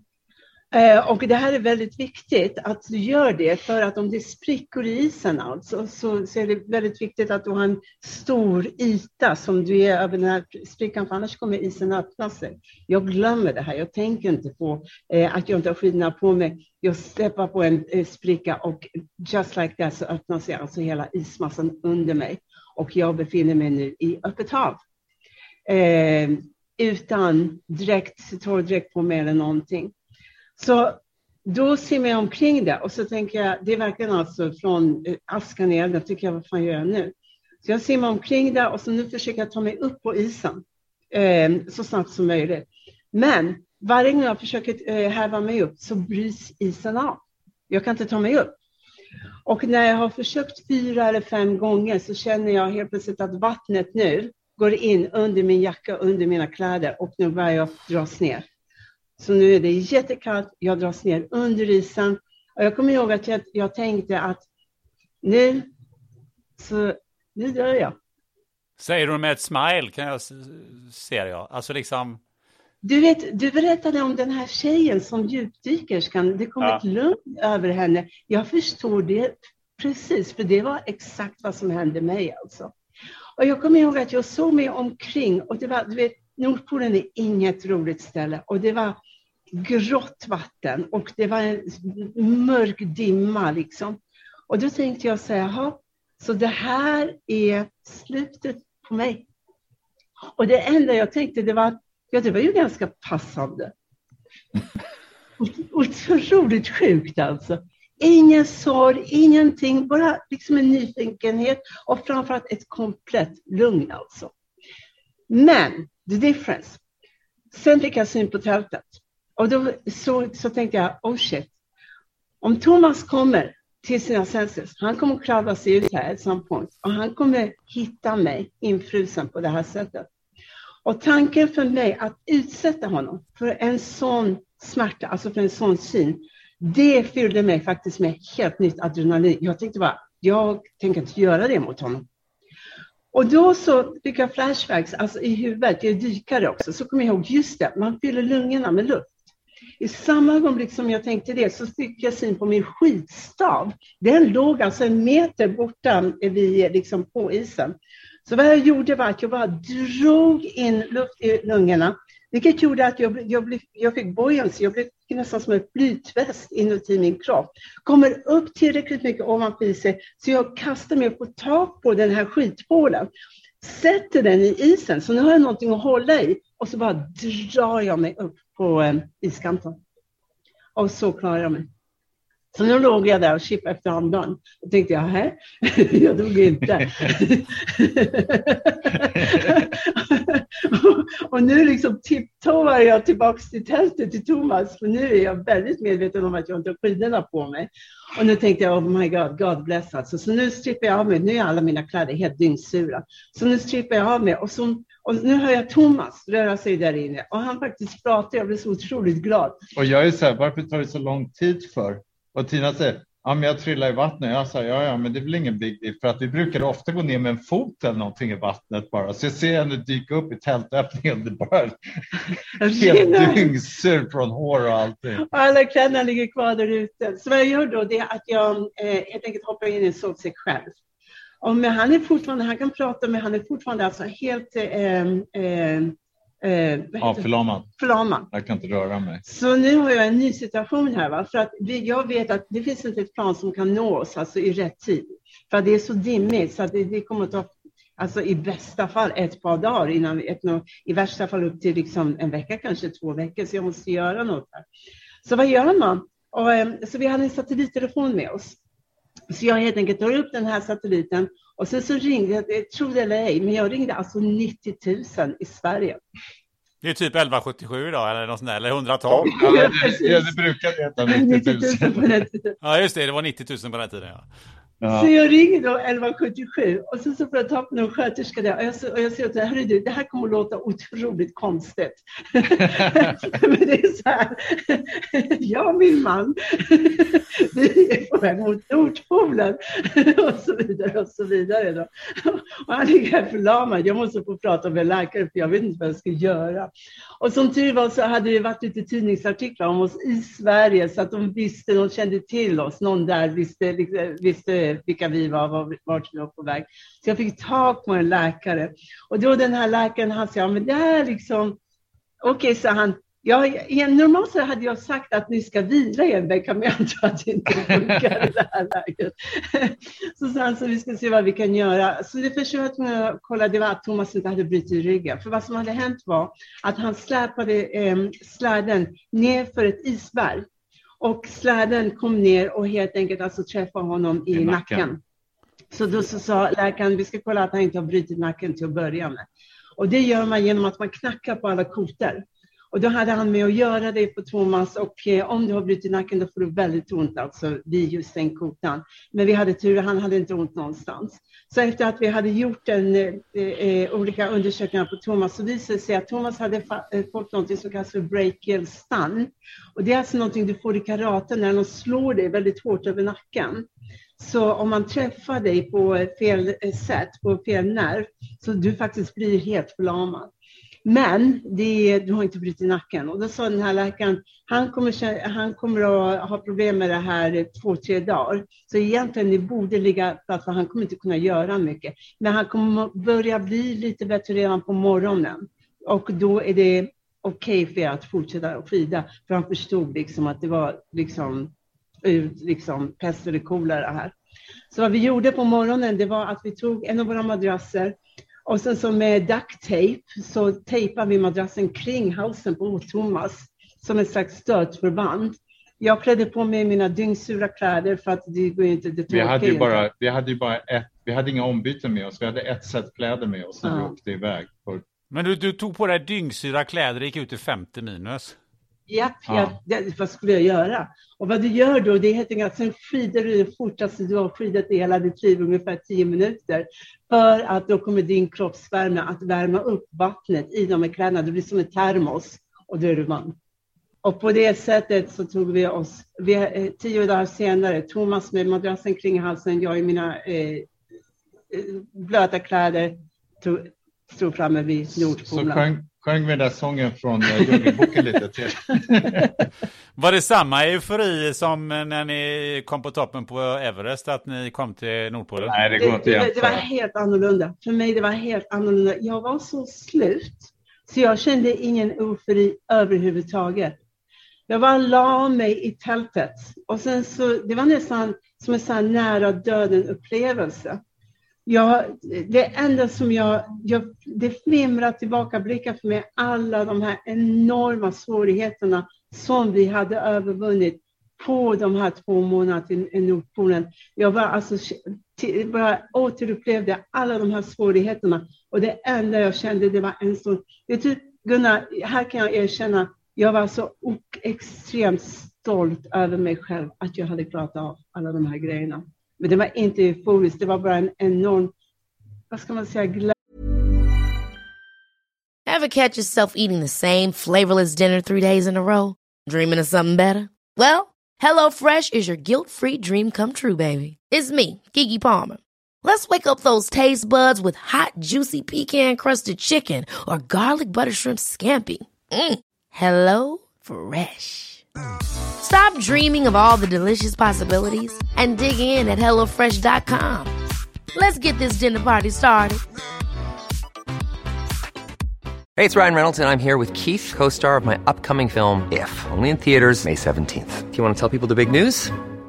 All right, I'll do it. Sign up now and you'll get unlimited for $15 a month in six months of Paramount Plus Essential Plan on us. Mintmobile.com slash switch. Upfront payment of $45 equivalent to $15 per month. Unlimited over 40 gigabytes per month. Face lower speeds. Videos at 480p. Active Mint customers by 531.24 get six months of Paramount Plus Essential Plan. Auto renews after six months. Offer ends May 31st, 2024. Separate Paramount Plus registration required. Terms and conditions apply if rated PG.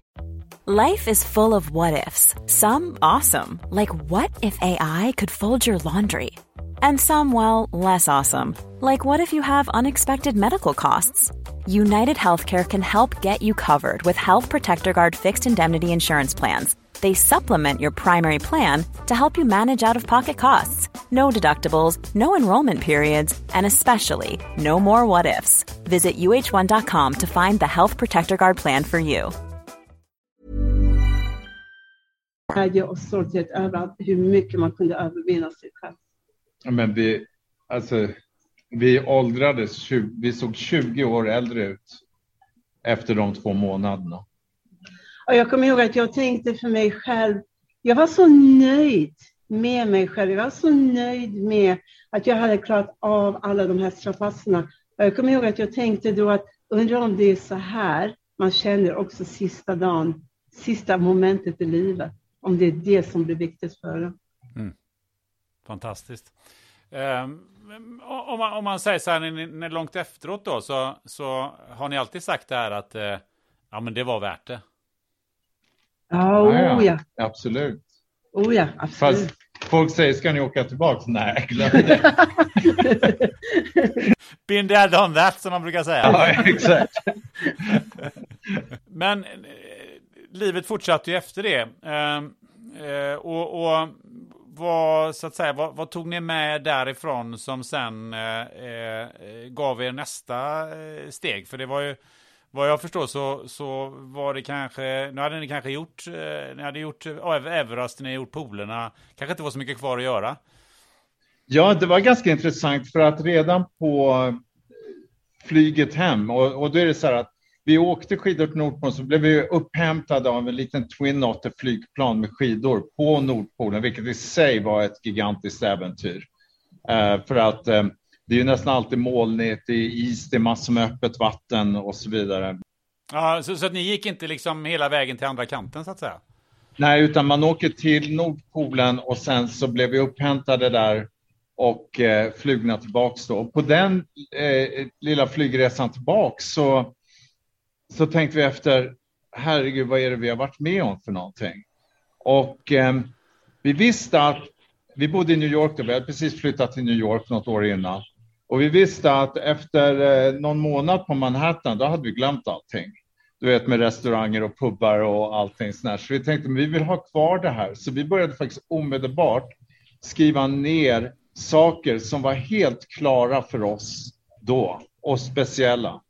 Och det utmynnade i messages from the Pots, alltså med eh, le lektioner från polerna.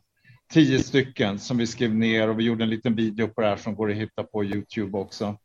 Och, och de har vi haft med oss hela tiden sedan efteråt. Och det är en, en del av dem bygger också på, det handlar om att inte lägga av, det handlar om att tänka positivt hela tiden och så vidare. Så det, det har varit med oss resten av vårt liv. Väldigt viktigt. Men vad, vad gjorde ni nu när det inte fanns något mer eh, att, eh, eh, att upptäcka? Alltså det var ju liksom på något sätt högsta berget, två poler, eh, inga fler berg. Vad, vad, vad, vad var nästa steg?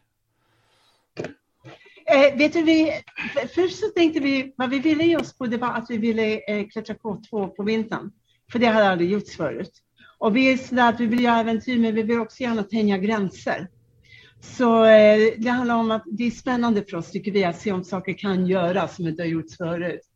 Eh, rymden fanns ju där hela tiden egentligen för oss. Men vi trodde bara inte att det var möjligt, rent tekniskt sett, för oss. Så att, var, eh, så att efter liksom att vi hade seglat på alla haven till Sydamerika, gjort alla de här grejerna, så tänkte jag, men okej, men vi tar K2, tar K2 på vintern. Men då hade vi redan flyttat till USA. Vi flyttade till USA, vi bodde i New York, vi hade en business igen i New York med teknologi den här gången faktiskt, eh, med hjälp av eh, med kommunikationspaket. Så vår, våra, eh, vår sponsor på alla våra expeditioner var Ericsson. Och det är ju ett eh, teknologiskt företag. Och vad de vill ha av oss i, i, i gengäld var att de vill ha rapporter varje dag, gärna med bild, på våra strapatser. För de använde sig av det för sin personal och, och sånt också. Problemet var att på den tiden så fanns inte den teknologin. Och eh, det fanns inte ens de satelliterna tillgängliga för oss, eh, för att Iridium var i konkurs och så vidare. Så vi var tvungna att uppfinna sån teknologi själva och bygga ihop den själva, vilket vi gjorde. Och det blev faktiskt en business för oss. Så att det här eh, var, blev ett kommunikationspaket som sen köptes av extrema expeditioner runt hela världen. Och det tog oss till New York. Så vi startade ett eh, huvudkontor i New York nere i Soho. Det var jätteballt. Det var så ett Batman-kontor. och sen så kom det dit eh, häftiga äventyrare från hela världen och köpte eh, Teknologi av oss. teknologi av oss. Mm. Och vi sålde faktiskt till NASA och NGOs och allting sånt. Det blev större än vad vi hade trott. Ehm, och i och med det, eh, med det här så började vi eh, höra, nu kommer ju internetsidan. Nu började vi höra om Silicon Valley. Och då helt plötsligt vad som hände var att en vacker dag så tog vi oss från New York över Colorado och hamnade i någonting som vi sen efteråt har kallat för Expedition Silicon Valley. Och, och det var ju någonting helt oväntat. För vad som hände där, så vi åkte dit, vi köpte en gammal Airstream, åkte över den klassiska bron in till Silicon Valley, såg Singa, Facebook höll ju precis på att födas, där Google, allting var ju helt nytt. Det var ju som att befinna sig under renässansen i, i Holland och Italien, det var ju helt fantastiskt på den tiden alltså. Så vi kom dit med vår Airstream och sen så slog vi oss ner där vid stranden, vid en beach faktiskt, och så tillbringade vi fem år där. Och där fick vi lära oss all den nya teknologin. Det är ju en helt ny värld som vi har idag, som inte ens fanns för 20 år sedan, alltså när, när space var nytt. Um, computer power, naturligtvis, alltså datorerna som vi har, det fanns ju inte förr i tiden. 3D-printing, alltså CNC-maskining, alla de här grejerna. Och allt det um, kastades vi in i Silicon Valley och då började vi faktiskt att upptäcka Elon kom ju in i space då också, Elon Musk. SpaceX. Mm. Och då började vi upptäcka, vänta ett tag, vänta ett tag med Mars här och, och space och rymden. Är det verkligen så omöjligt som vi har trott hela tiden? Och, Och på det sättet föddes en ny passion för oss. Och de säger det att om man ska ge sig in i någonting nytt och svårt och farligt och läskigt som kräver hela det, du måste ha din passion med, med dig. mm. Och K2 för oss på vintern, det var, det var vi sa så här, ja men det blir vårt nästa steg, för det här är vad vi är bra på. Men att vara bra på någonting är inte samma sak som att ha passion för någonting. Mm. Så det var lite grann the easy way out. Mm. Och den svåra vägen för oss här, det som verkligen lockade oss, det var då att ge oss in i rymden. och nu då när vi upptäckte att det kanske faktiskt var möjligt för sådana som oss, det gjorde att K2 inte längre var värt att dö för. Men hur, hur upptäckte ni det? För jag menar att eh, eh, låg det inte både teknologiska och eh, framförallt ekonomiska eh, hinder i vägen som var eh, högre än de största höghusen i, runt vet det, Los Angeles? Det, Tina och jag har ju naturligtvis hela vårt liv fått höra eh, att vi inte ska göra det här för att vi inte kan. Eh, och det är vad som händer man spänner gränserna. Mm. Folk talar om för en, du kan inte vara tjejen som åker till Sydpolen, ni kan inte åka till Everest för ni har inte klättrat hela ert liv och så vidare och så vidare. Och det här, den absolut största hindren är ju då i, inom rymden. Och där har vi NASA som till och med har ett valspråk som säger att eh, rymden är jättesvårt. Space is hard. Mm. Space is hard. Och ESA har ju anammat det här också. Och här har vi ett helt gäng med människor som sitter och talar om för alla andra att ingen kan göra det här. Och de har till och med lyckats odla fram en myt där folk tror att folk på NASA är de mest intelligenta människorna i hela världen med en IQ som ligger ungefär 200 punkter över alla andra. Och sen så dök det ju upp Du låter en... lite bitter, Thomas. Nej, jag är inte minsta bitter. För att jag hade varit bitter om vi hade låtit det fortsätta på det här sättet, vi andra normala, då, utan den där 200 IQ-situationen. Men sen dök det ju då upp en kille från Silicon Valley som var lite halvkonstig och sa, men nu ska jag bygga en raket.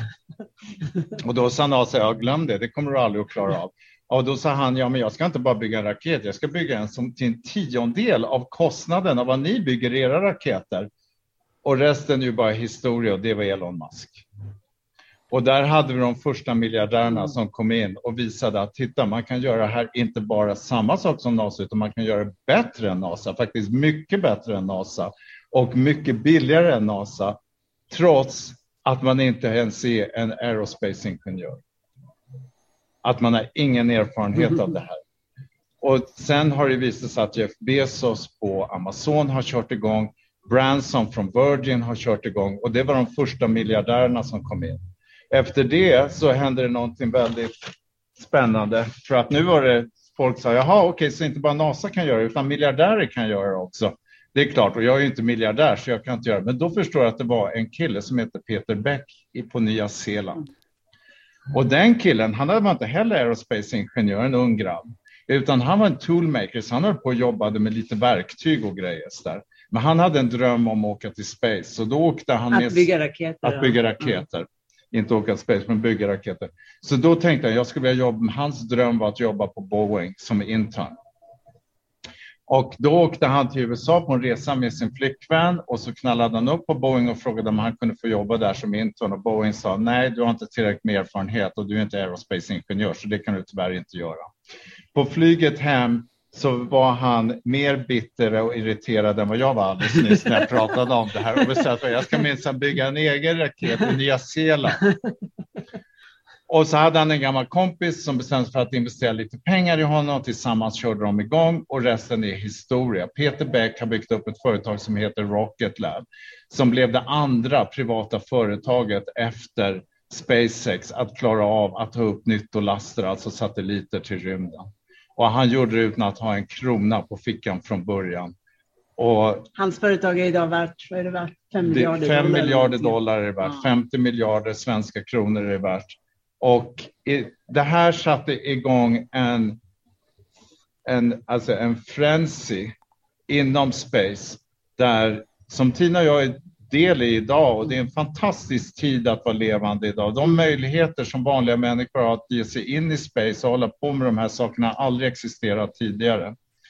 Och, ehm, och där är vi just nu. Ja, men nu måste jag ändå fråga liksom att det, det, det, det låter ju jävligt enkelt, men, men alltså, eh, för det första så måste man ju kunna något och det, det är ändå på något sätt att att eh, några pengar måste man ändå ha för att, eh, hur visste ni att ja, nu ska vi bygga en raket? Då, eh, då gör vi väl det. Alltså, det, det, det, måste ju finnas ett antal steg där emellan. För jag menar, varför kostar det flera miljarder att bygga en raket innan? Varför gör det inte det nu? Eller för att ni är inte miljardärer om jag förstått det hela rätt?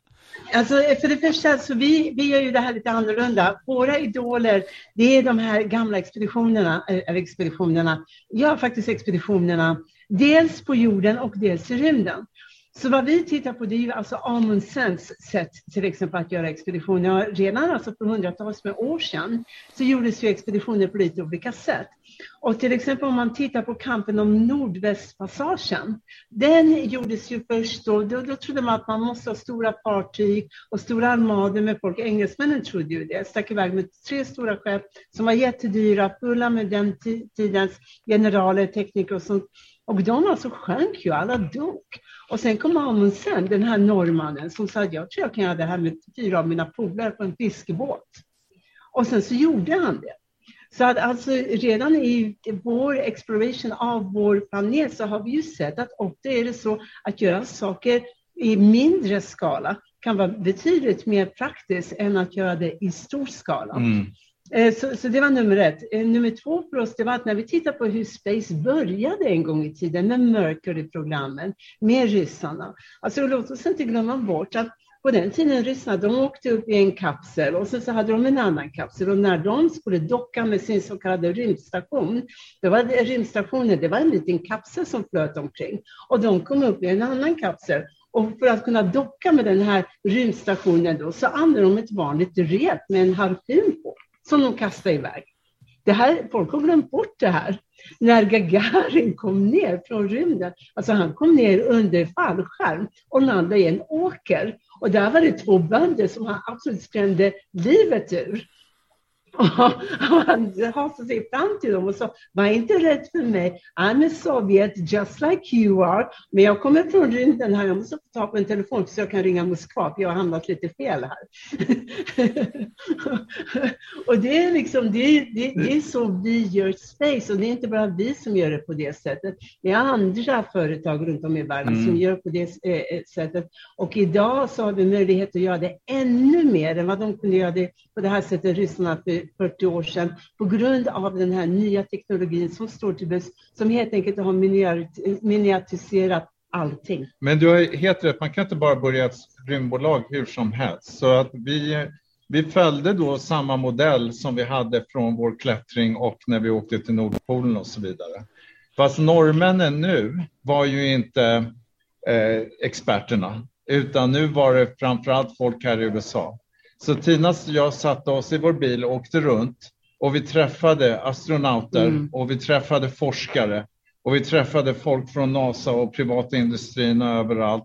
Och vår stora grej var ju att vi vill ju inte bara åka till space, vi vill ju inte bara åka till rymdstationen, utan vi vill ju åka till Mars, det stora äventyret. Det är vårt nästa steg, eftersom folk redan har varit på månen, så Mars blir ju nästa steg och sen efter det är det ju hela vårt solsystem. Och, men vi visste ju inte om det här var möjligt överhuvudtaget. Fanns det? Är det liksom någonting som är lika svårt som att åka fortare än ljusets hastighet eller teleportera folk fram och tillbaka? Är det någonting bara som är science fiction eller finns det faktiskt möjlighet att göra det idag? Och sen gjorde vi precis som vi gjorde med norrmännen. Efter att vi hade pratat med de här forskarna och astronauterna så frågade sista frågan och det var Har mänskligheten idag teknologi som gör att vi kan åka till Mars? Finns den teknologin idag? Och varenda en av dem svarade samma sak. Ja, den finns. Och inte bara det, den har funnits i 50 år. Vill du lyssna vidare? Då har du två saker att välja på. Antingen så går du in på Patreon.com och söker på spännande möten. För en liten månadspeng så får du alltihopa serverat utan reklam och tillgång till extra material när sånt finns. Eller så väntar du törstande i hela två veckor på del två. Valet är ditt, som man brukar säga. Vem som kommer i nästa avsnitt är det inte helt klart än, men det finns flera spännande gäster på ingång. Men jag kan avslöja att Oskar Jöback är en lågoddsare. Så nu vet du vad du gör. Du sätter dig med en vän, du tar något gött att dricka och så funderar du på om man kan ta med sig punch till Mars. Ha det gött!